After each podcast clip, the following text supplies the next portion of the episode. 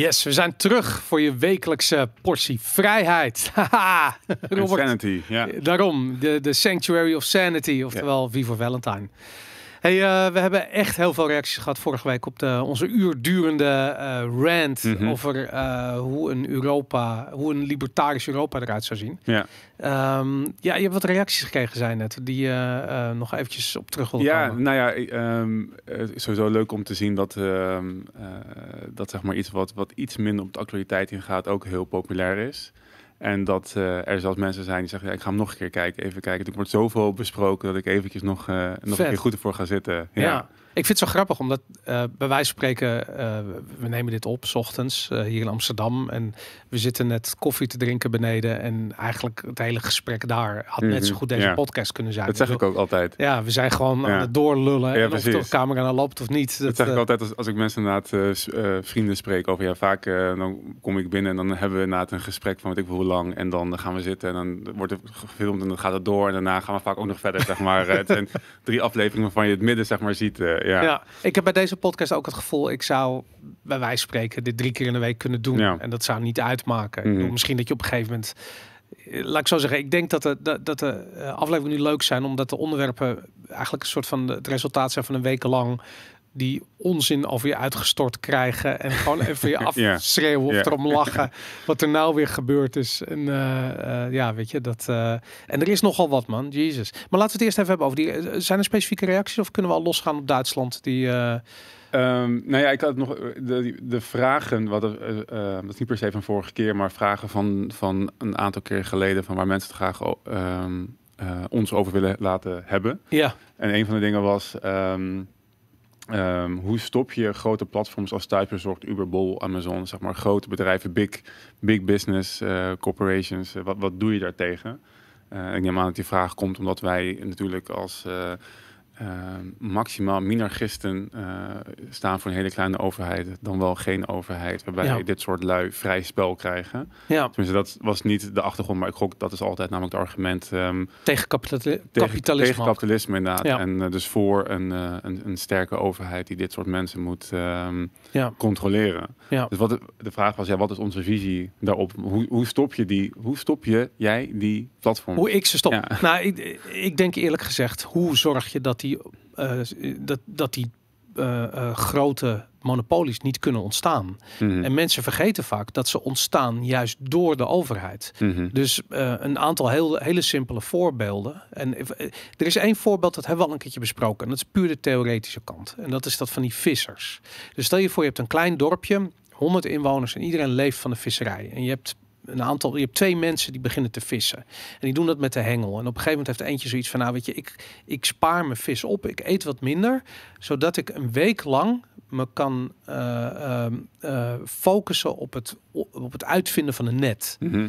En uh, dus die, dat idee dat je dus spaart om uh, vervolgens waarde toe te voegen aan je economische activiteit. Dus met spaargeld voeg je waarde toe aan de economische investeren. Ja. in kun je investeren. Zonder spaargeld kun je niet investeren, want anders Mhm. leen je van de toekomst. Nou, dat is wat we nu aan het doen zijn. Maar goed, heel even terug naar de basis. Dus je, je, je, je spaart een week eten op, zodat je in die week dat net kunt uitvingen. En met dat net kun je dus meer vis vangen. Dan uh, uh, kan je bij wijze van spreken, op dat ogenblik vang je meer vis. Nou, je buurman die heeft zoiets van, nou, dat wil ik ook, weet je. Uh, en een derde heeft zoiets van, ik zou ook wel willen vissen. Maar ik, ik ben nu nog geen visser. dus waar haal ik een week vis vandaan om ook een net te maken? Nou, dan zou die naar de eigenaar van het net kunnen gaan en zeggen van, nee, jij vangt meer dan je kunt opeten. Zou je mij een week lang vis willen lenen? Uh, dan kan ik dat net uit en dan krijg je het daarna krijg je het weer terug. Mhm. Nou ja, goed. En zo, zo word je groter en groter. En dat is eigenlijk een hele natuurlijke manier, zonder uh, inmenging van de overheid, om een economie te laten groeien. Want er wordt meer vis gevangen, dus wordt dus meer geproduceerd. Wat gebeurt er echter nadat vijf mensen allemaal een net hebben? En iedereen zoiets zei van, wow, die vissers die, uh, die zijn lekker bezig daar, weet je. Die hoeven eigenlijk helemaal niet meer te werken. Die vangen in de middag genoeg voor de hele week. Dat is niet eerlijk, weet je. Dat willen we ook. Wat doen die vissers vervolgens? Die zeggen van, nou, als iedereen hier gaat lopen vissen, dan eh, gaat het natuurlijk de kosten van onze eh, eh, ja, financiële situatie. Met andere woorden, heeft iedereen te veel vis. En hebben we geen afzetmarkt meer voor ons te veel gevangen vis. dat willen we niet. Laten we naar de burgemeester gaan van ons dorpje en zeggen van luister, het is misschien wel een goed moment om een beetje dat vissen, dat weet je, er is ook anders wordt er te veel gevangen en dat is niet eerlijk. En, en dat moeten we niet willen met z'n allen. Mhm. En dan zegt die burgemeester van ja, wat, wat schuift dat? weet je, dat dan hoe, hoe, hoe gaan we dat dan doen? En van, nou, weet je, als je nou, als je nou een, een, een uh, vergunningssysteem invoert, uh, dat iedereen moet 200 vissen betalen voor de vergunning om te vissen. Nou, die gasten die die netten hebben, kunnen dat makkelijk betalen, weet je, want die zijn al op die positie. Maar de markt is vervolgens niet meer toegankelijk voor beginners en nieuwkomers. Tenzij ze bereid zijn om een hele grote financiële mhm. investering te doen. Nou, de, uh, de overheid verdient, want die krijgt zijn, vergunning, zijn 200 vissen vergunning, uh, vergunningsbetaling van die grote partijen.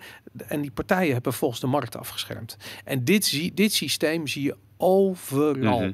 En als je hoort bijvoorbeeld dat Starbucks niet uh, belasting hoeft te betalen omdat ze uh, hun hoofdkantoor in Nederland hebben gevestigd of IKEA, weet ik wat.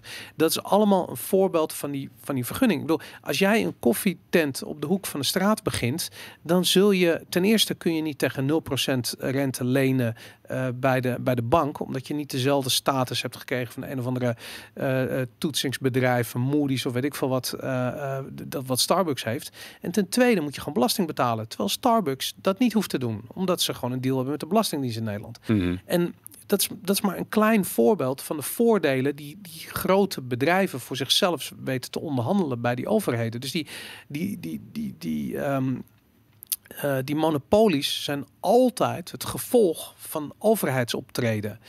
En als je dat dus, als je die overheden klein of buitenspel zet, mm dan ik, ik, bedoel, ik durf niet te beloven dat, de, dat de monopolies zullen verdwijnen.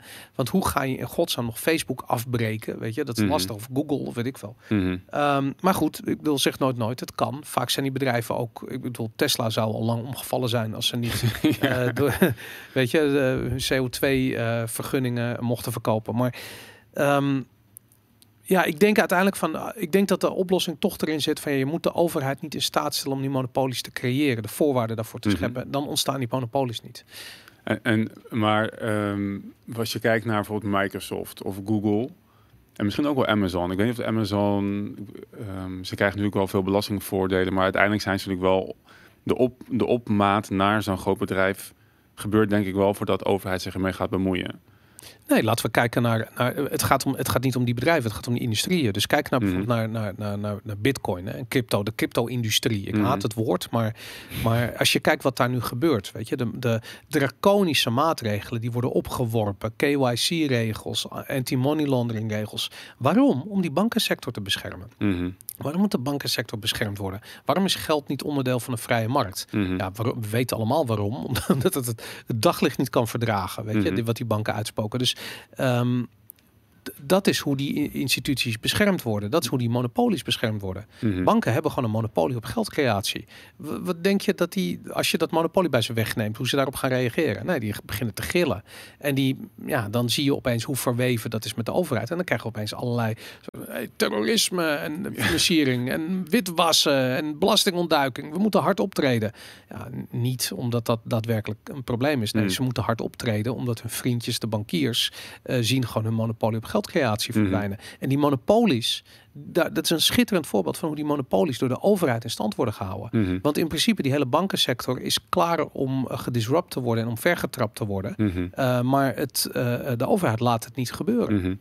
Ik, ik denk niet dat het alleen maar te maken heeft met, eh, eh, met zeg maar kwaadaardig of onwelwillendheid. En ik heb zelf voor de gemeente Amsterdam aan het programma Minder Regeldruk gewerkt. Om te kijken waar kunnen regels zeg maar, worden Ja. afgeschaft. En dan hebben we ook naar het vergunningensysteem gekeken. En ook en dan wat je dan doet inderdaad, je gaat eerst een beetje eh, de omgeving, de markt, de mensen consulteren van oké, wat vind jij dat er moet gebeuren? We de- Ja.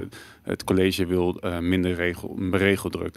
En dan zie je vaak dat bestaande ondernemers ehm ehm, inderdaad pleiten voor nee, dat, ik denk dat het vergunningsstelsel wel goed is inderdaad. Eh, Dat je, Ja. dat je het vooral moet, Omdat ze ervan behouden. profiteren. Om het zijde van profiteren heb ik ook gezegd toen. Ja, maar je moet dit, dit zijn niet de mensen die je moet gaan ondervragen op het moment dat je ehm, die regels wil gaan afschaffen. Dan moet je eigenlijk, een, een- het is heel lastig, maar eigenlijk moet je een soort van de startende ondernemer gaan ondervragen. En Ja. Mensen die inderdaad de toetreders op de markt. Weet je, als je het, het economische vijf krachtenmodel van Porter, die de aantrekkelijkheid van de markt beschrijft. Van hoe aantrekkelijk is een markt om daar iets te beginnen. En dan is de, ma de makkelijkheid hoe je, hoe je eh, van het betreden van de markt is een van de vijf krachten. En een vergunning zorgt gewoon voor dat die aantrekkelijkheid er zeg maar niet is. En Ja. nou, het grote bedrijven die hebben vaak de know-how, de, de ervaring al, in ieder geval het, het, het- het vermogen om wel door die hoepels heen te springen. Ja, En dat zie je denk ik, dat zie je inderdaad heel vaak. Maar ik denk ook niet. Ik vraag me ook af of het als het ehm, als er een monopolie zou ontstaan zonder dat de overheid dat zeg maar faciliteert, of het dan überhaupt een probleem is. ja, Eh, Elon Musk zei natuurlijk al een, een week geleden van ja, als je ehm, eh, als, als, als een monopolies een probleem zijn, dan moet je eens goed nog een keer kijken naar de overheid. Dat is de grootste monopolie eh, die, we. Ja. eh, die we kennen. Ehm, maar de vraag blijft ook van is een monopolie, een vrijwillige monopolie, een probleem? Ik weet, ik weet dat. Ik weet, geef eens een voorbeeld van een vrijwillige monopolie. nou ja, het voorbeeld wat vaak in eh, libertaire kringen wordt aangehaald is eh, die van Standard Oil ehm, van Rockefeller. Die hadden destijds een monopolie op, eh, op de productie en levering van olie. Ja, Maar wat er destijds gebeurde is dat dus de prijs van olie daalde alsnog, ondanks dat er een monopolie was. ja, En het argument is zeg maar van als je dus een monopolie puur uit vrij, in een vrije markt zou ontstaan, dan betekent dat dat je ehm, een dienst of product levert waar mensen blijkbaar behoefte aan hebben. Eh, want anders zou het wel een alternatief worden of zouden mensen iets anders gaan, eh, gaan aanschaffen. maar is het niet... De, ik, ik bedoel, ik snap dat je een monopolie kunt hebben... omdat je echt serieus de eerste bent die Ja. het ziet. Mhm. En ik weet, eh, ik, ik heb een keer een documentaire gezien over de, over de olieindustrie. En dan was het echt zo van, als jij als boer olie op je land vond, had je een groot probleem. Mm. Want die smerige zwarte rotzooi, die kreeg je niet meer weg. Mm. En het is, ik, wil, ik weet niet of je wel eens olie aan je handen hebt gehad. Dat krijg je er niet zomaar af. Eh, ruwe olie eh, is gewoon echt een smerige rommel. Mm. Dus als je dat als boer op je land had, had je een probleem. Dus dat olie was waardeloos in die tijd. Mhm. En daar is opeens een partij die zoiets heeft van, nou, volgens mij is het, kunnen we er wel wat mee, weet je. Dus die begint het te raffineren. En, en nou goed, dan, ik snap dat je dan een technologische voorsprong hebt op de rest. Maar Mhm. het is gewoon een natuurlijke reactie dat op het moment dat je ergens geld mee verdient, dat mensen zoiets hebben van, huh? Mhm. die gaan het ook doen.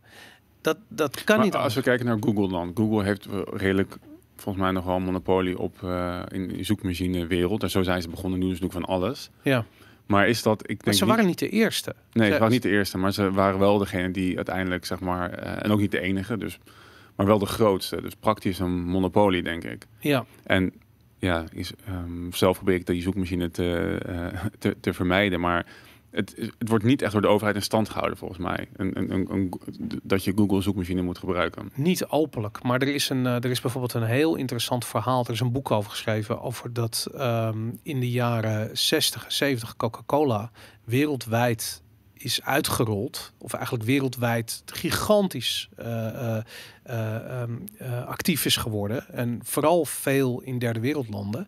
Ehm, gefinancierd door de CIA. Hm. Dus Coca-Cola was op dat ogenblik een dekmantel voor de CIA. Dus je zag dat heel veel van dat soort lokale vestigingen, eh, fabrieken, weet ik wel, werden opgekocht met geld van de Amerikaanse overheid. Mhm.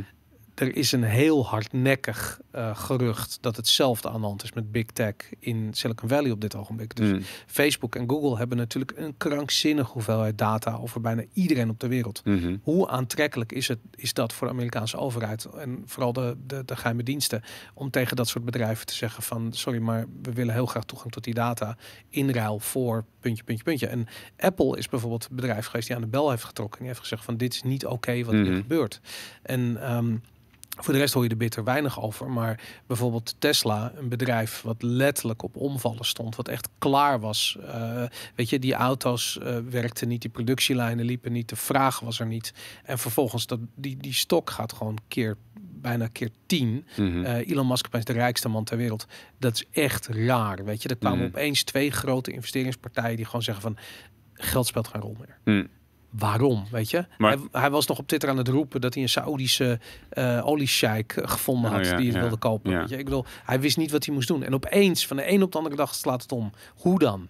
Dat is niet de markt hoor die dat eh, geregeld heeft. Dat is, daar is echt iets anders gebeurd. Ja, maar dan is dus de invloed van de overheid ehm, eh, is dan het, het, het geven van geld.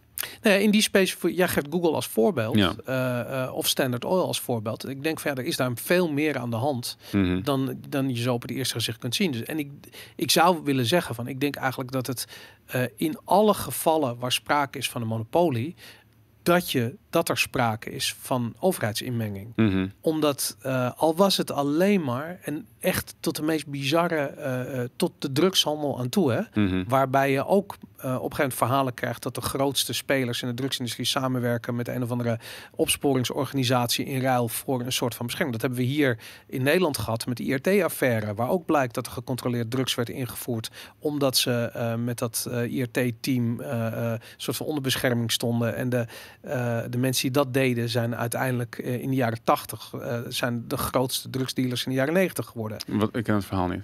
De IRT-affaire, ken je dat niet? Nee. De, oh man, dat is, daar kunnen we een hele aflevering Oké. aan wijden. Dat, eh, dat, dat, is, eh, dat is eigenlijk in het kielzog van Klaas Bruinsma. Ja. Eh, be- Mhm. een wel, grote, in ja. de jaren tachtig Mhm. geliquideerd voor het Hilton Hotel in, Mhm. in, eh, in Amsterdam. Of misschien was het jaren, misschien dat ik het een beetje door elkaar. Maar in ieder geval, er was een, op een gegeven moment werd duidelijk dat de drugshandel, de Nederlandse drugshandel, niet meer zo onschuldig was als het daarvoor was. Toen is er het interregionaal rechercheteam opgericht, IRT-team. Mhm. Die zaten in het, eh, ehm, bij het Kattenburgerplein, bij die marinekazerne Mhm. zaten ze daar. En toen eh, hebben zij eigenlijk een heel onorthodoxe opsporingsmethode toegepast. En ze hebben, zijn informanten zijn ze gaan beschermen in ruil voor informatie. Die informanten hebben een dubbelrol gespeeld. Die hebben Mhm. gezegd van, Mhm. nou, die zijn eigenlijk hun, wat heel klassiek is, wat je in de Amerikaanse maffia ook al zag, die zijn concurrenten gaan, gaan wegtippen. Mhm. En die zijn zelf eh, gaan importeren met bescherming, dus onder toezien van het IRT-team. Eh er is, eh, eh, hoe heet het? ehm, ja, het, het is bizar. Het kon op, ik, ik woonde daarnaast. Mhm. Dat is het rare. Dus ik woonde in een studentenhuis eh, eh, bij het Kattenburgerplein. Mhm. En op een gegeven moment, dat was echt nog in de tijd dat je gewoon telefoon met een draad had. Ja. En ik hoorde eh, eh, dat mijn telefoon werd afgeluisterd. En eh, ik hoorde klikjes, ik hoorde echo's die niet klopten. En eh, ik was toen heel erg bezig. In, in- je had een soort, je had een soort eh, phone freaking scene. En dat waren eh, een soort van hackers die zich beelden, bezig hielden met hoe telefoonsystemen werken. Mhm. En ik, ik besprak dat daar. Zeiden allemaal zonder twijfel, je wordt afgeluisterd. Hmm. Weet je? Maar wat bleek, ik zat op dezelfde centrale als waar die marinekazerne op aangesluiten. Hmm. Dus ze waren dat IRT-team aan het afluisteren. Hmm. Maar goed, dat, dat, dat is allemaal uitgekomen. Mhm. En eh, AT5 heeft daar verslag van gedaan. Die was op, bij mij een kastje op de hoek van de straat aan het filmen. maar goed, dat, dat was één ding. En een andere, dat is, er is toen een, een onderzoek geweest. En ehm, de persoon die dat deed, ik zit even te denken aan zijn naam. Die is verongelukt ehm, op de snelweg. Van Tra heette die. Dat was, die leidde de commissie naar dat IRT-team. Van Hmm. Tra heette hij. En hij is eh, bij, een, bij een auto-ongeluk om het leven gekomen. En ehm, ik heb zijn dochter daar een keertje over gesproken. Die zei van, het was echt een ongeluk.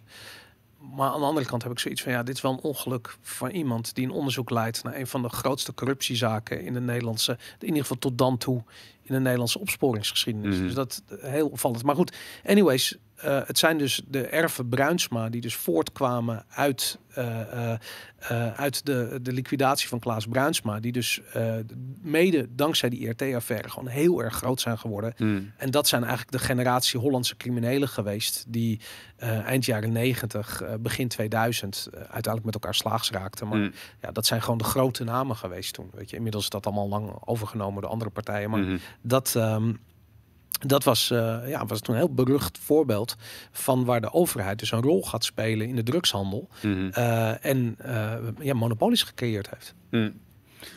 Ja, ik, ik- want ik denk dat. Ik denk inderdaad dat je wel gelijk hebt dat nu de, vandaag de dag en dat je weinig ehm, ehm, echte monopolies ehm, krijgt met overheidsbemoeienis. Maar als je dan misschien kijkt naar een laag niveau, wat bol.com, dat is ook een heel groot bedrijf, maar mi- misschien Ja. minder groot dan Amazon. Gebeurt Ja. het daar dan ook? Of, Nou ja, het, het gebeurt op heel veel verschillende manieren. Kijk naar de bailouts bijvoorbeeld. Mhm. Stel je voor dat jij een boekenwinkel bent en je, je trekt het niet vanwege de corona, whatever, eh, weet ik veel. Je klopt aan bij de overheid. Sorry, ik, ik, ik, het lukt me niet. Weet je, ik heb Mhm. geld nodig. Je wordt uitgelachen. Maar als bol.com naar de overheid gaat en die zegt van luister, er komen zometeen eh 2500 mensen op straat te staan. Dat moeten we niet willen met z'n allen, toch? Mhm. En eh, hop, weet je, dan, dan is er opeens een bail-out. En ik bedoel, ik weet niet of dat nou per se voor bol.com geldt. Maar je, je ziet gewoon dat eh, als je groot bent en eenmaal... Je, je krijgt een status apart. Je hebt toegang tot gratis geld. Namelijk eh, die negatieve rentes of die, die, die extreem lage rentes die Mhm. banken hanteren. Niet voor kleine Mhm. ondernemers, maar voor grote eh, partijen. Ehm, ja, misschien krijg je eh bail-outs op het moment dat je, dat je bedrijf ten onder gaat.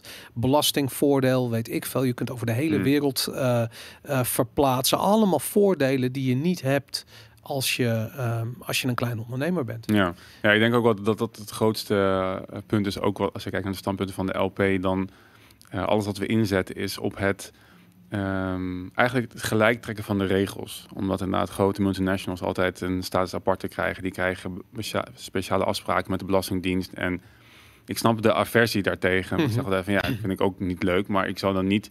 Ik wil niet de belasting verhogen van die multinationals. Ik wil dat het MKB dezelfde voordelen krijgt als die multinationals. Dat, dat moet je hebben. Dat je inderdaad Ja, geen belasting of weinig belasting ehm, en heel weinig regeldruk herkent, zoals zij dat ook kennen. ja. Ja, en ik denk, ik denk als je dat doet, inderdaad, want dat was de vraag van wat doe je er tegen? Dus één, inderdaad, volgens mij nog steeds die overheid verkleinen eh, en de regeldruk en belastingdruk juist voor het MKB zo eigenlijk afschaffen. Eigenlijk Ja. moet je gewoon de eerste zoveel honderdduizend euro voor het MKB is gewoon eh, belastingvrij. Of weet ik veel wat voor regelingen ze bij, bij multinationals hebben. Maar dat Maar moet ik je... denk eigenlijk dat je het niet kunt verzinnen, namelijk. Omdat de, de- en dat is wat het heet dat gebeurt.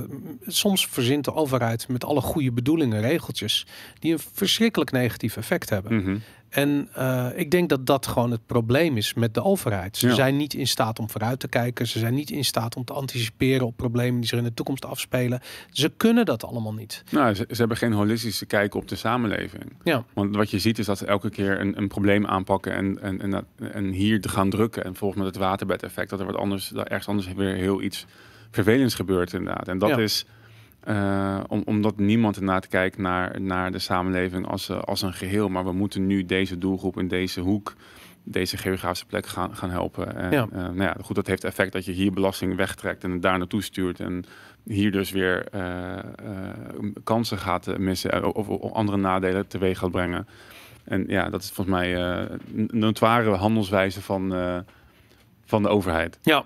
Nee, ik denk dat dat. eh, ik denk dat het eigenlijk. Ik denk dat het zo ingewikkeld is geworden dat het met regeltjes niet op te lossen is. Ik denk dat het alleen op te lossen is door gewoon de regels los te laten. Gewoon af te schaffen, de overheid te verkleinen tot absolute bare minimum. En dan hopen dat de boel recht trekt. En dan hopen dat andere landen volgen. Want dat krijg je natuurlijk ook als het Mhm. in andere landen beter is, dan gaan grote bedrijven daar, daar naartoe. Maar ja, aan de andere kant, je ziet ook dat klein ondernemerschap floreert op het moment dat je regels wegneemt Mhm. en belastingdruk wegneemt. En ehm, ja, dan, dan doet vrijheid zijn intrede. Maar je zegt hopen en er zijn heel veel mensen die zeggen van ja, maar we hebben de overheid nodig. Want zij doen het niet voor de winst. Want zij hebben het beste met ons voor. Of zij zijn gekozen. En, Ja. en bij bedrijven heb je dat niet. Ik bedoel, dan zijn we overgeleverd aan ehm, de mensen die winst willen maken in de zorgsector of zo. Dan moeten we Nee, daar... maar er zit iets, er zit iets, eh, er zijn een aantal dingen. Want er zit, kijk, je kunt zeggen van de overheid heeft het beste met ons voor, want wij hebben het gekozen. Het is eigenlijk een extensie van onszelf. Mhm. Nou, de praktijk wijst uit dat dat niet zo is. Weet je, Hmm. ik bedoel, je hoeft alleen maar te, te vragen aan iemand die eh, niet een coronavaccin wil nemen, hoe die tegen de overheid aankijkt. Of weet je, ik bedoel, we zitten in een vreemde tijd dat we opeens heel erg in botsing komen met de, eh, met de totaliteit van zo'n overheid. Mhm. of je nou het financiële stelsel, het monetaire systeem volgt, of dat je inderdaad eh, je zorgen maakt over de collectivistische corona-aanpak van de overheid, whatever. Het maakt niet uit. Maar ehm, ja, je komt erachter dat je voorgelogen wordt en dat eh, eh, in de top van de overheid alleen maar machtsbelustelingen zitten die dat voor eigen gewin aan het doen zijn. Want dat is een ander ding. De overheid is niet. eh, het, is een, het is een groep mensen die allemaal zichzelf wel degelijk zitten te verrijken. En ik denk dat je in Nederland qua corruptie. ehm, ja, het, het, het wordt een beetje weggelachen. Wij Nederlanders denken altijd van in Nederland heb je geen corruptie. Weet je, we, Mhm. we zijn een beetje. We, we hebben altijd een moral high ground vanuit het gebeurt Mhm. niet in Nederland. Dat is voor Volgens mij staan we ook in, in de top 5 van meest betrouwbare overheden ter, overheden ter wereld. Ja, Dat- zoiets, Nederland ja. scoort er echt heel hoog op inderdaad. Ja, nou ja, goed. Je, je- eh, maar aan de andere kant, er is letterlijk geen minister, minister van Financiën die niet na zijn ambtstermijn vervolgens toetreedt tot de raad van bestuur van een of andere gigantische financiële Mhm. onderneming. Weet je, ik bedoel, sorry, maar dat is ook corruptie. Mhm. En dat is, eh, ehm, eh, ja, ik, je, ga, je krijgt gewoon al die, die grote ondernemingen die weten dat je de overheid nodig hebt om die monopoliepositie te handhaven. Mhm. Die nemen vervolgens al die politie in dienst, omdat die weten hoe het werkt en hoe je de taal spreekt en hoe je daar eh, eh, ja, door die organisatie heen fietst. Dus dat is gewoon corruptie. En in Amerika is het heel zichtbaar. Weet je, Cheney met zijn, eh, hoe heet dat bedrijf? Blackwater. Halliburton. Halliburton, Ja. inderdaad. Weet je, die dan de, de, de hamburgers voor redden 50 elk- dollar aan, ja. of 100 dollar aan het verkopen is in Irak. Ik rijd elke, elk jaar zo'n beetje langs, omdat het, het zit van Houston Airport naar downtown Houston, kom je daar langs elke keer. Oké, Dus, ja, Mijn vader woont, woont daar, dus ik, als ik daar op bezoek ga, dan elke keer dan word ik daar weer aan herinnerd. Oh, ja, ja. Halliburton. Ja, nou goed, dat is, dat is een goed voorbeeld van corruptie. Maar dat gebeurt in Nederland net zo goed. Weet je. Mhm. En in Nederland doen we altijd een beetje dat hier niet aan de hand is. Mhm. Dat is gewoon heel erg aan de hand. Mhm. Ik wil, ik ben, wat, wat denk je dat, waar Hugo de Jonge zo meteen gaat werken? Ja, vast bij eh, Pfizer of zo. eh, of Jansen was het. Jansen dat Ja. deed hij heel goed. Dat, eh, Zullen we ja. wedden dat als hij straks opstapt, dat hij vervolgens daar zijn volgende baantje heeft? Ja, Dat echt zeker. serieus mijn hand in het vuur. En dan gaan we erop terugkomen in deze podcast. Want da- en dat is corruptie.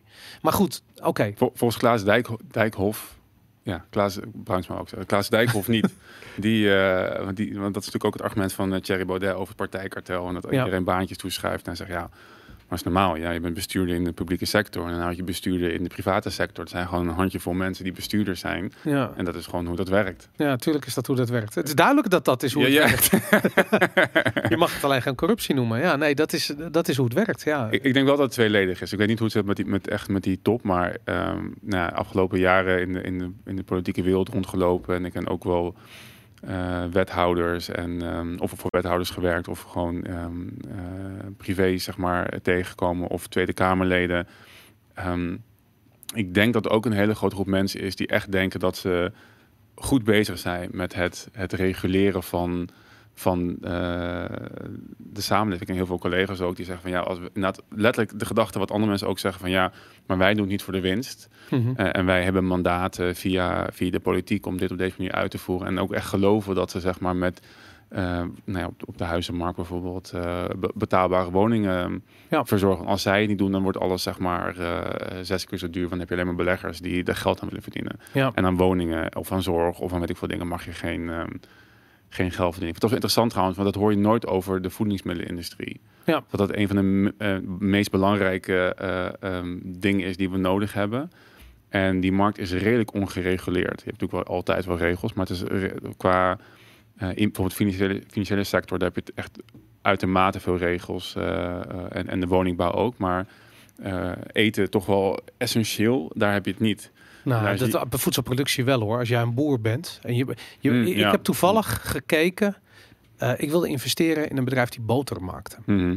En eh, echt, je wil niet weten wat een zee aan regels je tegenkomt voordat jij gewoon. En ik bedoel, je kunt bij wijze van spreken melk in een ton en je karnt het en weet ik van, dan Mhm. komt de boter uit. En het is fucking de lekkerste boter die je ooit in je leven gegeten hebt. Mhm. Als jij het wil gaan verkopen, dat gaat niet zomaar. Dan Mm. moet je echt aan veel regels voldoen. En, die, en al die certificaten die je nodig hebt, het kost gewoon veel geld. Mhm. Dus ook daar zie je weer van de, de markt is niet zo toegankelijk als je, als je denkt. Nee, hij is, hij is sowieso niet regelvrij. Maar ik, denk, ik vraag me af of het, of wat erger is dan andere sectoren. Maar over die woningbouw, hè, ik vind het interessant. Jij zit daarin. Maar Mhm. het, het interessante, mijn vader zat er ook in. Dus die, werkte, eh, die zat in de gemeenteraad eh, en die werkte eh, nauw samen met Jan Schever. En Mhm. Jan Schever, dat is in de jaren zeventig, in gelul kan je niet wonen. Ja. Dat was zijn ding. Nou goed. Dus we, weet je, dat, we kwamen daar wel eens. En nou goed, ze waren heel close met elkaar. En ze hebben dat met z'n tweeën, werd dat, dat was een heel ding. Weet je, dus de sociale woningbouw. Mhm. En je moet je voorstellen, toen ik opgroeide in Amsterdam, toen was het nog, kwam het veel voor dat een woning niet een badkamer had. Hmm. Je ging naar een badhuis. Ik ben echt als kind nog naar het badhuis geweest. En, eh, en dat had je ook grachtenpanden, weet je. Ik bedoel, ik kan me goed een vriend van mij die, ik weet nog dat ze kregen ze in de, eh, in de keuken werd dan een douchecabine neergezet, omdat ja, waar moet je dat anders neerzetten? Want je had niet Oh, een badkamer. Is, is het daarom waarom sommige huizen nu nog inderdaad een, eh, ik vind het heel raar, een badkamer naast de keuken hebben zitten? Nou ja, dat, dat zou kunnen. Ja, de- kijk, de meeste huizen zijn Mm. natuurlijk wel verbouwd. Hè? Mhm. Dus dat, maar goed, als je kijkt eh, eh, nu, waar we nu staan in Amsterdam, er is maar één moment waarop Amsterdam in een staat was waarin het nu verkeert. Hè? Dat letterlijk elk huis tot in de puntjes gerenoveerd is. Mhm. Ehm, en in, in, in de jaren zeventig, ik kan me nog herinneren dat het meerderheid van alle pannen in Amsterdam waren gestut. Die stonden scheef en er stonden buiten van die schuine palen Mm. tegenaan. Het stond op instorten. Mhm. Ik bedoel, ik ben opgegroeid rond het Waterloopplein. Dat was gewoon een fucking achterbuurt. Mm. Weet je, ik bedoel, ik moest over twintig junks heen stappen als ik, als ik de deur uitging. En dat, dat, dat hele idee dat eh, eh, Amsterdam in, in zo'n, ik bedoel, letterlijk alleen in de Gouden Eeuw was Amsterdam zo eh tip-top verzorgd als nu. Mhm. En dan denk je van ja, dat is, dan kun je zeggen van ja, dat is fantastisch. Mhm. En dat is ook fantastisch. Laten we eerlijk wezen. We lopen door een schitterende stad heen. Het is echt een soort van een ode aan Nederland, wijze van spreken. Aan de andere kant, het is betaald met geld wat geleend is van toekomstige generaties. Mhm. En dat is niet oké. Dus aan de ene kant kan je zeggen van ja, dat het feit dat je geld steelt en er vervolgens iets goed mee doet, maakt dat het stelen van het geld Mhm. oké. Ja. weet je? En dat is natuurlijk wat je in die overheid hebt. Weet je, dat je, ja, natuurlijk is het fantastisch dat we badkamers hebben in woningen en dat we sociale woning bouwen. Nou ja, goed, dat is natuurlijk ook wel op zijn retour, maar dat we die, die in de jaren 80 eh, en jaren 90 gezien hebben dat de halve stad opeens eh, eh, gerenoveerd werd en fatsoenlijke woningen werden gebouwd. Amsterdam was letterlijk een, een voorbeeld op een gegeven moment in de wereld van hoe je om moest gaan met sociaal woningbouwbeleid. En als je nu kijkt, dan denk ik gewoon van ja, dit, eh, eh, eh, dit is. Ja, er is geen stad ter wereld die eigenlijk zo goed verzorgd is. Mhm. Ehm, maar ja, aan de andere kant, hoe is dat betaald? Met geld gestolen van toekomstige generaties. Mhm. Maakt dat het oké? Nee, weet je. En dat is, dat is dubbel, man. En dat is, dat is het probleem met die overheid. Ik snap dat er mensen zijn die met de beste bedoelingen werken aan, aan, aan, aan stadsvernieuwing. En uh, hier heb je Mhm. letterlijk een voorbeeld daarvan. Mhm. Eh, ehm, maar aan de andere kant van ja, wat zit daarachter? Weet je, hoe zit die? Wat zijn de gevolgen daarvan? En als die gevolgen negatiever zijn dan de, dan de voordelen Ja. op dit ogenblik, Mhm. dan denk ik dat je het niet moet doen. Ja. Dus ja, weet je, ik, eh, uiteindelijk, je kunt altijd wel wijzen naar de paar dingen die er. En natuurlijk is het fantastisch dat je voor, weet ik veel, 5 euro een, l- een grande latte kunt kopen bij de Starbucks. dat is super. Weet je, Ja, maar, wil iedereen. maar- dat wil iedereen. Maar is dat nou echt wat ons gelukkig maakt? Weet je, Mhm. is de prijs die we daarvoor betalen dat al die kleine ondernemers niet meer kunnen bestaan omdat we allemaal die Starbucks beker in ons hand willen hebben? Is dat, is dat een prijs die we willen betalen? Weet je? En zo zit er bij al die Mhm. maatregelen een negatieve kant aan. Ja, ik weet het niet, man. Ja, dat zijn we sowieso vergeten. Dat de, de, het hele doel van het, van het leven inderdaad. Van, eh, zelfs met corona natuurlijk. Dat alles wordt nu... ehm, worden, we staren dood op geen of minder besmettingen. In plaats Ja. van dat je, ja, je leeft om te leven. Dus Ja. wat houdt het leven in? Wat is het nut van jouw leven? Wat maakt jou gelukkig? Nou, ja, dat, die, die, dat zouden... ehm, Wat is gezondheid, Ja. bijvoorbeeld? Weet je? En dat, dat, het klinkt heel raar, maar het is geen toeval dat bijvoorbeeld veel sportschoolmensen, of weet ik wat, gewoon niet, eh, niets te maken willen hebben met het beeld van gezondheid wat de overheid heeft. mhm. Het is bullshit. Ik bedoel, de schijf van vijf. net zeggen, voedingscentrum. Ja. Daarom, Ja. dat, is, dat is gewoon het ministerie van Landbouw is dat eh, gefinancierd, weet je. Ik bedoel, waarom hebben we een schijf van vijf waar heel veel graan op staan? Omdat we gewoon een graanproducerend land zijn. Mhm. Dus het, we hebben er belang bij dat graan ook daadwerkelijk gegeten wordt. Dat vervolgens de halve eh, bevolking ziek wordt. Ehm, ja, oké, vervelend, maar kon niet door ons. Want wij, de schijf van, schijf van vijf, dat wetenschappen, maar wetenschap, dat, dat is duidelijk, weet je. En ja, dat is, dat is zo'n ander ding. Wetenschap, weet Ja. je, dat domein wat maar een soort van één waarheid vertegenwoordigt. eh, eh, op een of andere vreemde manier. Altijd de waarheid van de partijen die belang Ja. hebben bij de uitkomst. Ik zeg, ik laat ook weer een meme daarvan voorbij komen. Dat iemand noemde dat. Oh, dat was Dave. Die de, nou, een van de libertarian comedian. Mhm. Die zei dat noem- noemt hij scientism. Ja. Dus inderdaad, je hebt, het, is niet, het is niet meer wetenschap. Het is inderdaad het, het, ehm, Blinde geloof. het blinde Ja. geloof in, in iets wat wetenschap zou moeten vertegenwoordigen. Of eh, mensen met witte jasjes. Maar het is niet meer. Het gaat niet meer om mensen die daadwerkelijk de wetenschappelijke methode gebruiken. Maar het zijn mensen die zichzelf wetenschapper noemen. En die status hebben. En die status of gegeven wordt. ja. En vervolgens dingen roepen die dan meteen waar zijn. En dat is wat je nu inderdaad ziet. De wetenschap die, die, die is voorbij. En dat is natuurlijk, heeft ook weer te maken met die, met die hele lobby en die lobbycratie. En wat je net zei over de, over de schijf van vijf. eh, dat is denk ik ook een heel mooi voorbeeld. Ook, dat is ook de reden dat bijvoorbeeld vet heel lang als heel schadelijk werd gezien. Daar kunnen we echt een hele aflevering over Ja. maken. Dat, eh, van, oh, toevallig heette die ook Keynes. Oh, Keynes, volgens mij. Dat was Keynes. Mhm. Die dat, eh, eh, dat, dat eigenlijk wa- wa- was het Roosevelt die had een hartaanval gekregen. En toen werd er een oorlog tegen hart- en vaatziekten gevoerd. En hij kwam met de theorie dat vet eten leidt tot hoog cholesterol, leidt tot hart, Mhm. hartfalen. En dat is, daar is vervolgens 40 jaar beleid op gevoerd. ja. Met als resultaat dat iedereen motherfucking vet is en ongezond en diabetes en weet ik veel. Ja, precies. Want volgens mij kwam dat vanuit de, de suikerlobby uiteindelijk, zeg maar. En, en suiker is dat dus echt hetgene wat, wat je, als je gezond wil zijn, moet je dat gaan, eh, gaan, mij, gaan mijden. Ja, Ehm, en destijds is inderdaad zijn heel veel schadelijke effecten eh, door lobby vanuit de, vanuit de suikerindustrie inderdaad toegewezen aan, aan vet eten. Terwijl Ja. eh, suiker datgene is wat je... ehm, wat daadwerkelijk is. Ja. hartfalen veroorzaakt. Ja, dat is, dat is, maar ik bedoel, dat de, de, de, de, de onderzoeken die Coca-Cola gesponsord heeft, eh, eh, dat, dat is allemaal wel bekend. Ik, volgens mij is het in Nederland een keertje, heeft Unilever het gedaan met eh, eh, Olaf, Magnum, Magnum ijsjes. En toen was er een of ander onderzoek gepubliceerd en toen zei de directeur zei ook van een, een Magnum past in een gezond dieet. en kijk, het is natuurlijk waar dat als jij een, een, een hardcore trainingsschema aanhoudt, eh, geen koolhydraat eh, tot je neemt, ja, dan kan zo'n ijsje niet zo heel veel kwaad, weet je. ja, het ding is, als jij zo'n ijsje eet, dan eh, eet je waarschijnlijk ook nog wel wat andere troep ook, weet je. Mhm. En dan neem je het niet zo nauw met eh, je koolhydraatvrije dieet en je trainingsschema. Weet ik veel. Met andere woorden, dat ijsje is, het, is een duidelijk teken dat je scheid hebt aan je eigen gezondheid. Ja. En als je dat omdraait, ja, dan heb je en dan, dan, dan financier je een of ander dom wetenschappelijk tussen aanhalingstekens onderzoek die aantoont van ja, ja, als je als een monnik leeft, dan kan je best wel een keertje eh, eh, een ijsje eten. Ja, Ja. natuurlijk, weet je. Maar ja, dat, precies. Je kan, je kan het hebben. Het is niet gezond. Het Ja, is anders maar dat- eh. dat, dat zijn niet de mensen die dat. Die, er zijn weinig monniken die ijsjes eten, weet je. Dat is juist het hele ding. Mhm. Weet je, iemand die, die geript is en helemaal afgetraind, die, die weet wel beter dan die, die rotzooi eh, op te eten.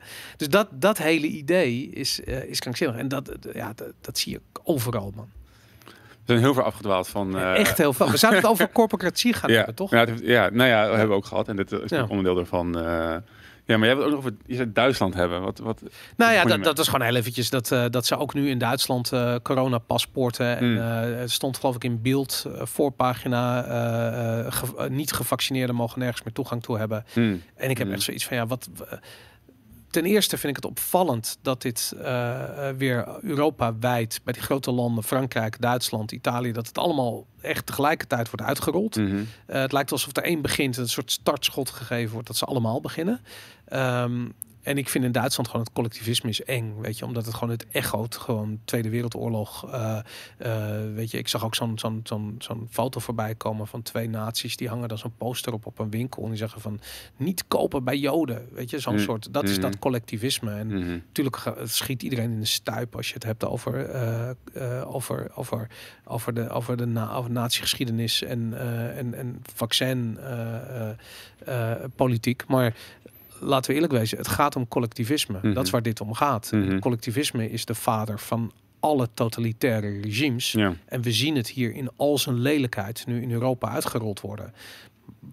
Ja, weet je, ik heb zoiets van, ik moet erom lachen, omdat het zo fucking krankzinnig is dat iedereen erin meegaat. Niemand stelt zich als een vraag. En ik moet je wel zeggen, en ik weet niet Robert of jij dat ook hebt, maar ik heb in mijn omgeving best wel veel mensen die gevaccineerd zijn. Maar er zijn bitter weinig mensen die zoiets hebben van laten we onze samenleving en de, eh, onze, eh, hoe noem je dat? Eh, onze, ja, on- ja hoe, hoe, hoe zal ik het zeggen? De, de eenheid in onze samenleving, voor zover dat bestaat, laten we dat vooral opofferen voor een vaccin wat niet werkt. Weet je, niet dat ze allemaal het ermee eens zijn dat het niet werkt, maar Mhm. iedereen krabt zich wel achter de oren en heeft zoiets van ja, we weten niet helemaal zeker wat er aan de hand is. En ehm, wat we wel zeker weten is dat we niet ruzie gaan maken in soort van met niet gevaccineerde versus gevaccineerde.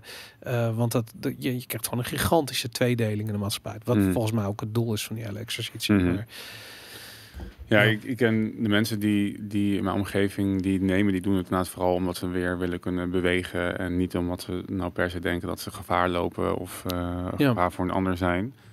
Ehm, maar ik, ja, en ik, ik hoor weinig verhalen van mensen die, nou, die voor die tweedeling zijn. Al hoor ik ook wel verhalen van mensen die... Een vriend van me die liep in, eh, in Frankrijk, in Parijs, in een eh, museum zonder mondkapje. Ja. Dat dat wel eh, moest daar. En die kreeg dus een van de woedende vrouw op zich af. En binnen no time had hij dus een soort van menigte die een soort naam, naam aan het schreeuwen waren. Dat hij zeg maar een mondkapje op moest doen. Dat was in Parijs? Was, volgens mij was het in Frankrijk. Ik weet niet of het Parijs was. Ik weet niet precies. Het klinkt als Duitsland namelijk. Nee, het was niet in Duitsland. Oké. Nee. Ehm, en ik, dat, dat hoor je ook wel vaker. Dat zeg maar, door de hetsen die natuurlijk afgelopen jaar... de angstcampagne die gevoerd is... zie je dat mensen gewoon... ehm, nou ja, ook niet meer naar buiten durven. Was, was voor mij een artikel van de week. Dat ouderen die wel ook nog gevaccineerd zijn... nog steeds niet naar buiten durven... omdat ze gewoon bang zijn dat ze, dat ze op straat dood neervallen of wat dan ook. Ja. En dus ik, in mijn omgeving zie ik het niet, maar er zijn ook wel mensen die denk ik door angst ehm, hele rare dingen gaan doen. Dat is natuurlijk ook wat in de Tweede, Tweede Wereldoorlog gebeurde. Ik denk dat het interessant is. Ik zit nu op Netflix eh How to Become a Tyrant te kijken. Oké. En dat begint met, dat begon met, was het Stalin?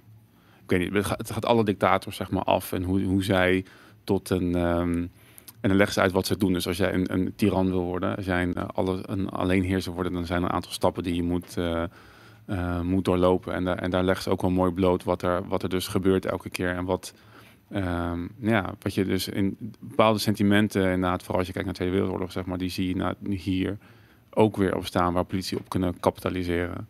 Maar dat, want ik, ik, heb best wel veel gelezen over eh, de situatie in Duitsland voorafgaand aan de Tweede Wereldoorlog. Want Mhm. ik was heel erg benieuwd hoe dat nou kan gebeuren. Mhm. En eh, het interessante is dat je daar ook die echt die maatschappij was verscheurd. Dus de, de Weimarrepubliek, eh, wa- wat, hoe Duitsland uit de Eerste Wereldoorlog kwam, was Mhm. eigenlijk, eh, ze waren een bezet gebied. Dus de Fransen hadden een groot gedeelte van het Roergebied ingenomen. En Duitsland moest 25% van zijn eh, BBP afstaan aan de geallieerden als soort van schadebetaling voor die Eerste Wereldoorlog. Mhm.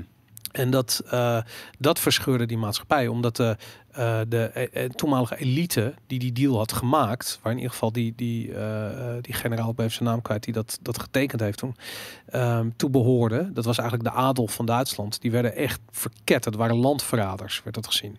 En aan de andere kant had je de opkomst van de Bolsjewieken, weet je. Dus de, de, er ging een gigantische communistische stroming door Europa heen. Mhm. En dat waren extremisten op dat ogenblik. En die, ja, die stonden lijnrecht. Dus je had aan de ene kant had je de landverraders en aan de andere kant had je de Bolsjewieken. En beide was niet best. Mhm. En toen had je opeens een soort van de, die nazi-partij, eh, die SDAP, die er Mhm. tussen, tussendoor kwam. En dat waren de soort van, het klinkt bizar voor woorden met de kennis die we nu hebben, maar op dat ogenblik was dat de redelijke middenweg. En dat, ja, weet je, als je twee schreeuwende partijen hebt, eh, het is een schoolvoorbeeld van hoe dat land uit elkaar gespeeld is. En iemand daar gewoon echt heel eh, slim gebruik van heeft gemaakt. Door gewoon te zeggen van, weet je, wij gaan dat, eh, eh, wij maken van die verdeeldheid gebruik om aan de macht te komen. En vervolgens kanalis- kanaliseren we die verdeeldheid op een andere manier. En eh, herenigen we het grote Duitsland onder een soort van ultranationalistische sentiment. Dat gebeurde ook. En ja, eigenlijk alle voedingsbodem voor, de, voor het ontstaan van, van die natiepartij, dat, dat was aanwezig. En, eh, eh, en met name gedreven door dat vreemde collectivisme, wat die Duitsers gewoon, eh, ja, dat zit gewoon in hun. Weet je, dat, dat, dat hoort bij die Duitse cultuur. Mhm. Heel vreemd. De Fransen hebben het ook op een bepaalde manier. hoor. Ik bedoel, dan wordt het chauvinisme genoemd. Maar hebben, hebben Duitsers niet minder? Ik heb altijd wel zoiets gehad van als je er, is wel een soort van voor de coronacrisis een soort van wantrouwen richting de overheid. Maar ook de hele opdeling in boendes, waarbij je nou, ook macht decentraliseert, ook toch nog wel een redelijk hoge mate van wapenbezit. Ja. Ik, had, ik heb altijd het gevoel gehad, ik weet niet meer wat het was, eh, ehm, dat, dat Duitsers toch nog wel een soort van ehm, ze weten wel wat er gebeurd is nog. Dus ze zijn Ja. wel iets kritischer richting de overheid. Ik moet zeggen, je ziet het nou nu. de- Maar dat is toch het hele ding? Ik ben het met je eens. Ik dacht het ook. Weet je, als het om privacy ging, Duitsland Ja. voorop. Cash Mhm. geld werd nog Ja, altijd precies. daar. Eh, Duitsland liep in heel veel, ook, ook burgerrechten, weet ik veel. Duitsland liep voorop. Mhm. En opeens, poef, hop, we zijn weer terug Mhm. in 1938. Hm. En dat is eh, eh, opvallend. Echt, hoe dan? Waarom? Omdat het toch nog sluimerde in die, in die maatschappij. Het zijn toch mensen die, naar, die de overheid nodig hebben om hun collectieve identiteit vorm te geven op een of andere manier. Ik ben geen psycholoog, ik weet het niet, maar er is daar er is op een knop gedrukt en die Duitsers springen allemaal in het gelid Mhm. met hun rechterhand omhoog en verboden voor ge, geïnfd en weet ik veel. Ik ben heel benieuwd hoe dat in Amerika gaat, eh, zich gaat ontvouwen. Want daar hebben we natuurlijk ook wel altijd een cultuur gehad van, eh, van wantrouwen richting de overheid. Ligt een beetje ook in welke staat je zit. Maar over het algemeen zijn mensen eh, meer libertair dan in Europa. Als ik daar ook praat met mijn familie daar, die wat toch democraten zijn, denk ik van ja, maar als ik uitleg hoe ik tegen dingen aankijk, dan zijn ze veel eerder geneigd dat een logisch argument te vinden dan hier in Nederland. Ja. Dan krijg je gewoon veel eerder een emotionele tegenreactie. Uh, maar nu heeft New York nu als eerste staat, of als eerste stad um, in, de, uh, in Amerika, maar ook volgens mij ook als eerste stad in de westerse samenleving gezegd van je mag niet meer sportscholen en openbare gelegenheden binnenkomen zonder een vaccinatiebewijs. Ja. En dat heb je in Europese landen heb je dat ook, maar daar kan je ook met een negatieve test nog af. En dat is in New York dus binnenkort of nu niet meer het geval. Dan moet je gevaccineerd zijn. En dat doen ze, zeggen ze ook om de vaccinatiebereidheid omhoog uh, te werken. Het gaat nooit over veiligheid, het gaat altijd Nee. om de vaccinatiebereidheid. Ja, want ik bedoel, je kunt gewoon met zo'n vaccin kun je gewoon ziek worden en Ja. het doorgeven. Dus Ja. waar hebben we het over hier? Ja. ja het is, ja. Dus, dat is, ja, dus ik ben heel benieuwd wat ze, wat, hoe, dat, uh, hoe dat zich gaat ontvouwen. Of daar mensen tegen in het... Uh, in het um... ja, ik kan je vertellen, dat gaat niet gebeuren. In New York niet. Weet je? Het zijn allemaal democraten. En vreemd genoeg is die kutgriep is een soort van politiek... Het is een politieke discussie geworden. Mm -hmm. Weet je, het gaat er juist om van, van vertrouw je de overheid ja of nee. Als je de overheid vertrouwt, hop, dan neem je je tweede en je derde en je vierde en je vijfde shot. Weet je, Mhm. en dan, want je vertrouwt de overheid, weet je. Maar als je kritisch staat tegen, tegen de overheid en je, je hebt zoiets van, hé, hey, wat is hier nu werkelijk aan de hand? Dan heb je zoiets van, ja, moet ik dit wel nemen, weet je? En dan ga je Mhm. afvragen van, wat is nou eigenlijk het risico van het vaccin? Ik bedoel, versus het risico van corona krijgen. En hey, sommige mensen maken die afwegingen en denken ik moet dat vaccin nemen. En mijn zegen hebben ze. Daar is niks mis mee. Weet je, mensen moeten vrij zijn om die keuze te maken. Mm -hmm. Maar dat moet wel alle kanten op werken. Mhm. Dat, uh, ja, dat, is, dat is vreemd in, uh, in Amerika, waar je inderdaad ook dat niet zou gaan komen. Maar ik zag het hier ook niet aankomen. Mhm. In Europa had ik het ook niet gedacht. En ja, de Fransen en de Duitsers. Maar er, moet, er is één ding wat, me, uh, wat ik interessant vind. En dat is aan de ene kant de regels. En aan de andere kant het niet handhaven van die regels. Mm -hmm. Dus als jij nu in een auto stapt en je begint rondjes te rijden door Europa, mm -hmm. dan word je nergens gecontroleerd. Echt nergens. Uh, ik zweer het je, de helft van de restaurants waar je inloopt in Frankrijk, daar wordt niet gevraagd naar corona-apps of wat dan ook. Mm -hmm. Ik bedoel, je kunt dit gewoon overal doen. Maar ik ben benieuwd. Um, wat ik gelezen heb, is dat uh, over het algemeen opstanden breken niet uit vanwege regels opstanden breken uit vanwege het handhaven van de regels. Mm. Dus uh, ook de Amerikaanse burgeroorlog. Het was niet de belastingverhoging die de Engelsen doorvoerden. Het was het handhaven ervan op een gegeven moment. En dan is het namelijk het moment waarop mensen zoiets hebben van... oké, okay, maar nu is genoeg geweest. En nu zie je al dat er in Frankrijk al halve opstanden uitbreken. Maar wat gebeurt er als de coronapaspoortmaatregelen echt gehandhaafd worden? En daarom denk ik dat het gaat niet gehandhaafd worden. Want ze weten donders goed dat ze met vuur spelen. Mm. En um, ja, natuurlijk, oké, okay, als jij naar Disneyland wil, oké, okay, dan kom je daar niet in. Nou, fuck het, ga je niet naar Disneyland, dan kan iedereen wel mee leven. Maar wat als je niet meer de supermarkt in mag, weet je? Wat krijg je dan? Dan Mm -hmm. krijg je gewoon, serieus, dan wordt die supermarkt geplunderd. Mm -hmm. En dat, uh, um, ik denk dat dat toch wel degelijk ergens uh, speelt. Dus die, die handhaving, dat is het moment waarop de, waarop de revolutie uitbreekt. Mm. Gaat het komen? Die handhaving? Ja. Ik denk dat we daar ook experimenten van gaan zien. Dat, dat, ga, dat, dat we misschien dat wel krijgen. Ja. Ik, weet, ik weet het niet hoe, maar dan hebben ze ook de concentratiekampen ingericht. En dan, uh, dan krijgen we een heel, heel, heel ander soort samenleving dan we nu hebben. Dat is niet grappig meer. En ik denk dat mensen zich moeten realiseren of je nou wel of niet die prik laat zetten. Maar is dat het land waar je in wil wonen? Ik Mhm. heb genoeg videogames gespeeld om te weten hoe een, hoe een totalitaire samenleving eruit ziet. Uh, het is allemaal grappig in, uh, in films en games en weet ik veel. Maar ik denk niet dat het grappig Mm. is om daar echt in te wonen. Want ook al heb je dat vaccin laten zetten, ben je bereid om de rest van je leven elk half jaar die shot te halen. Mhm. Weet je, denk daar eens over na. Wat als blijkt dat er wel nadelige gevolgen zijn? Voor je het weet zit je zelf in dat kamp. Mhm. Dat, uh, waar je eerst nog stond te klappen dat al de ongevaccineerden werden opgesloten. Mm. Uh, vroeg of later behoor je zelf tot die, tot die groep. En dan uh, dat is niet grappig meer. Mm. Maar goed, is weer een, eh, een vrolijke afsluiter. Ja, is dat, eh, ja inderdaad. een Vrolijke afsluiter inderdaad. Ja, ja jezus. Dat, eh, maar goed, ik, ik moet je eerlijk zeggen. Ik denk dat het eh, niet zo ver gaat komen. Omdat ik Hm. gewoon ook denk dat mensen een gezond verstand gaan gebruiken. En dat, eh, dat zie ik namelijk ook steeds meer omheen. En Ja, dat, ik eh, vraag me af inderdaad of er nog een... eh, ik was er eerst van overtuigd van ja, in september inderdaad weer een lockdown, griepseizoen. en- maar ik vraag me af ook of de cijfers, zeg maar, dat doen ze toch op basis van besmettingscijfers, of die nog zo hoog gaan worden. Hoeveel mensen liggen nu in het ziekenhuis of gaan er dood aan corona? Volgens mij niet. Nul, niks. Weet ik veel. Helemaal drie keer niks. Maar daar gaat het niet om. Ik wil, ik, eh, toevallig zag ik zo'n tweet voorbij komen gisteren op Twitter. En dat was eh, in Gooien en Vechtstreek. Mhm. Toen had iemand had een screenshot gemaakt Ja. van de corona dashboard app. Ja, En de situatie was zeer ernstig. ja, weet je. En eh, er was nul mensen in het ziekenhuis, 30 positief getesten, nul doden. Eh, en en dat, dat is ook zo'n ding, weet je. Wat de fuck is een positieve test? Weet je? Mhm. Iedereen weet dat die... Kijk, die PCR-tests zijn al, eh, eh, hoe heet het, zijn al niet heel geloofwaardig. Die kunnen geen onderscheid maken tussen de griep en tussen corona. Mhm.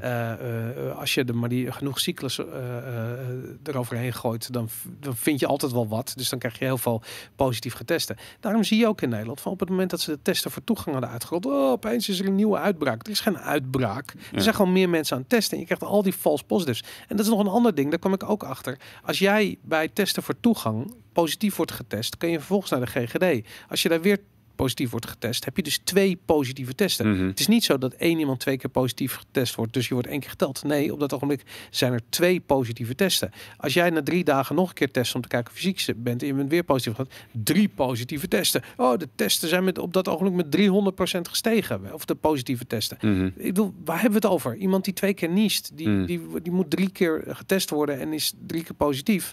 Eh, heeft nergens last van vervolgens. Maar oh jee, dit, we hebben wel 10.000 positief getesten per dag. Ja, dat is het logische gevolg van het feit dat je heel Nederland dwingt om, om een wattenstaaf in de neus te proppen.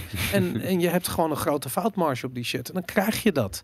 En dat is, en ik, ik ben, het met je eens. Ik had zoiets van, kijk, rationeel gezien slaat het helemaal nergens op. Mhm. Er, zijn, er zijn geen, niemand is echt ziek. Er ligt niemand in het ziekenhuis. Ik, er is gewoon fucking niks aan de hand.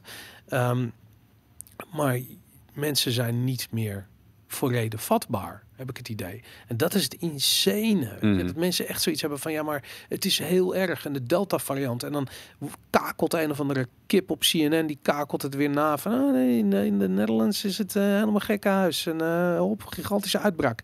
Er is geen fucking geen gigantische uitbraak, weet je. Ik bedoel dat... En wa- waar ik, serieus, daar, daar moet ik nog heel even... Daar ben ik echt boos over. Ik zag, eh, en ik kijk die pleur shit niet, maar ehm, eh, hoe heet het, op één, daar zat Duncan Stutterheim van IDT, die Mhm. echt oprecht kwaad was over het cancelen van al zijn evenementen en het kapotmaken van zijn business. Mhm. En hij stelde al de juiste vragen. En hij zei van dat testen slaat helemaal nergens op. Positief getesten zijn geen maatstaf voor een pandemie. Weet je, we hebben nergens land. Er is niks aan de hand. Mhm. Hij was terecht kwaad. Hij zei van ik ga een eh, rechtszaak beginnen tegen de overheid. Hij heeft die rechtszaak afge... eh, en ik heb zoiets van als dat soort ondernemers niet voor vrijheid eh, gaan staan, Mhm. sorry, maar dan zijn ze het ondernemerschap niet waard. Mhm. Want ondernemerschap is vrijheid. Als je niet de vrijheid hebt om te ondernemen, dan ben je geen ondernemer, je flut ondernemer. Duncan Stutterheim daar op dat ogenblik flut ondernemer. Dat hij wegloopt van die rechtszaak en dat hij zich laat afkopen waarschijnlijk met de nieuwe zak geld van de overheid. Fuck die shit, weet je. Als ondernemers niet samenkomen en met elkaar afspreken om eh, gewoon actie te ondernemen, Mhm. nee, sodemiet erop. Dat Mhm. eh, nep, shit. Eens, helemaal eens. Top. Nou, dat was voor de. Oh, wat we nog eventjes moeten zeggen. We zijn op vakantie de aankomende drie weken. Sorry, er komt een kleine. eh, hoe noem je het? Een kleine hiaat in eh, de wekelijkse eh Vivo Valentine. Jij was eerst op vakantie, nu ga ik op vakantie. Dus over drie weken zijn we weer terug.